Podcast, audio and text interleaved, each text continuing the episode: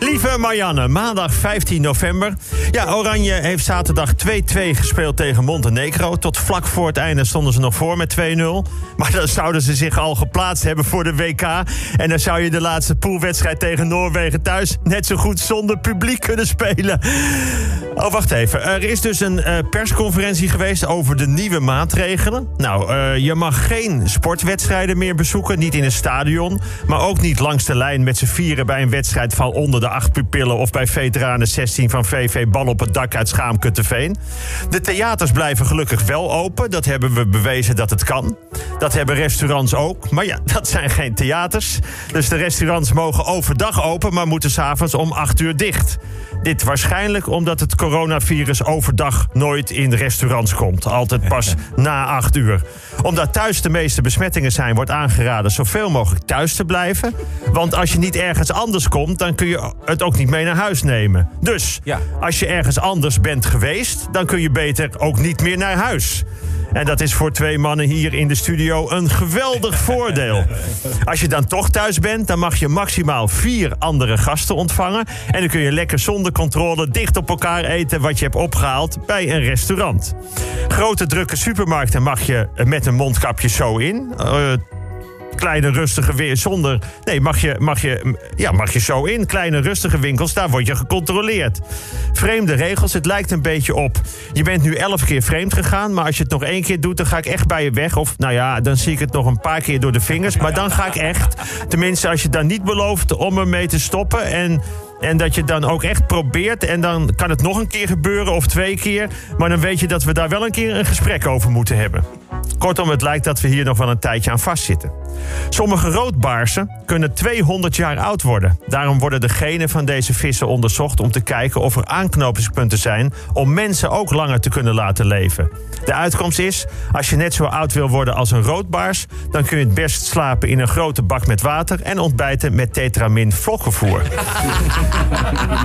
Zanger Eloy Youssef die stopte, stopt dus met Kensington, hebben we gehoord. De beslissing was, zo blijkt nu, al genomen en gedeeld met de andere bandleden in 2019. Maar hij stopt. Volgend jaar september 2022 is er nog een afscheidsconcert. Samengevat, ik ga bij je weg, maar ik blijf nog drie jaar. Maar wat was ik? Oh ja, Oranje had 2-2 gespeeld en heeft zich nog niet geplaatst voor de WK voetbal. Daarvoor moesten ze eerst mo- morgen minimaal gelijk spelen tegen Noorwegen. Volgens mij gaat dat wel lukken. Ik denk dat het 2-0 wordt voor Oranje. Maar ik wens coach Louis van Gaal alle succes. Of zoals wij in het the- theater altijd zeggen, break a leg. Dinsdag 16 november. Louis van Gaal heeft mijn wens iets te serieus genomen. Hij heeft zijn heup gebroken en moet nu Oranje coachen vanuit een rolstoel. De trainingen doet hij vanuit een golfkarretje. Dat past het best bij zijn handicap. Ik zou zeggen heup, Holland, heup. Britt Dekker vertelde in het NPO 3-programma Media Insight... dat een cameraman van Expeditie Robinson deelnemers marsrepen aanbood... in ruil voor seksuele gunsten. Bekend is dat de deelnemers van Expeditie best wel honger hebben... en dan gaat een mars er wel in. En dat was precies de bedoeling van de cameraman. Maar het schijnt dus niet waar te zijn. Het schijnt te gaan om een bounty. De economie is weer terug op het niveau van voor de coronacrisis. Nou, dat klinkt dus ook als we zijn met heel veel problemen uit elkaar gegaan, maar economisch zijn we weer op het oude niveau. Woensdag 17 november. Ta ta ta ta! Oranje heeft zich geplaatst voor de WK in Qatar.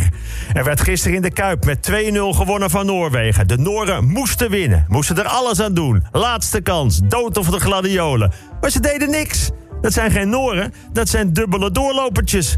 Wat een verschrikkelijk saai team zeg. Nul doelpogingen of ja één, 28 meter naast.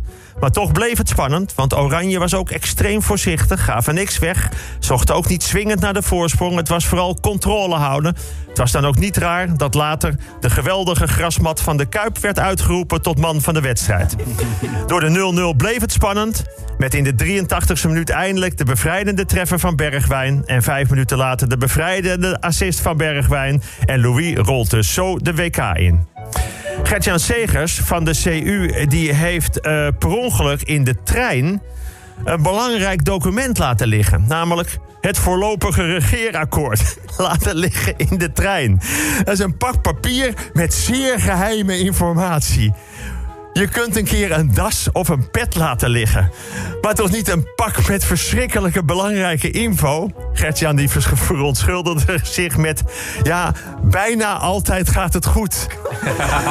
bijna altijd... Ja, Batman die zonder masker en cape uit de trein stapt. Ja, bijna altijd gaat het goed. De tandarts geeft zonder verdoving een wortelkanaalbehandeling. Ja, stom, vergeet, maar bijna altijd gaat, gaat het goed. Ik stond te pissen, maar was vergeten mijn lul uit mijn broek te halen. Ja, bijna altijd gaat het goed. Maar goed, Segers had per ongeluk het regeerakkoord in de trein laten liggen. En dat wordt per ongeluk gevonden door een Volkskrant-abonnee. En het komt per ongeluk twee maanden later in de krant. Laat ik het zo zeggen, ik zou met zulke verhalen thuis niet wegkomen. Donderdag 18 november, de Hockeybond heeft sinds gisteren een externe begeleider aangesteld die ervoor moet zorgen dat het teamklimaat bij het nationale vrouwenteam verbetert. Het schijnt daar bij de dames nogal sprake te zijn van verbale intimidatie. En dat wordt nu uitgezocht. Verbale intimidatie. Ik kan me daar van alles bij voorstellen. Het gaat hier in de studio soms ook hard eraan toe. Dan is het echt zo, wat zit je nou dom te lachen... en waarom zeg je dat soort dingen en je was niet geconcentreerd... en wat, wat voor een lucht komt er bij jou vandaan... en wat zit je nu weer te eten? Doe eens wat minder kinderachtig. Dat verhaal heb je al drie keer verteld. Je bent gewoon een heel klein mannetje en kijk eens hoe ik het doe. En we hebben inderdaad je auto klem gezet... en dat in jouw tas was een drol van mij... en dat snorretje heb ik op jouw foto getekend... en ruik eens aan die moorkop en die wielen van je auto liggen op kantoor. Maar ik moet erbij zeggen, Jelmer vraagt er ook wel een beetje om.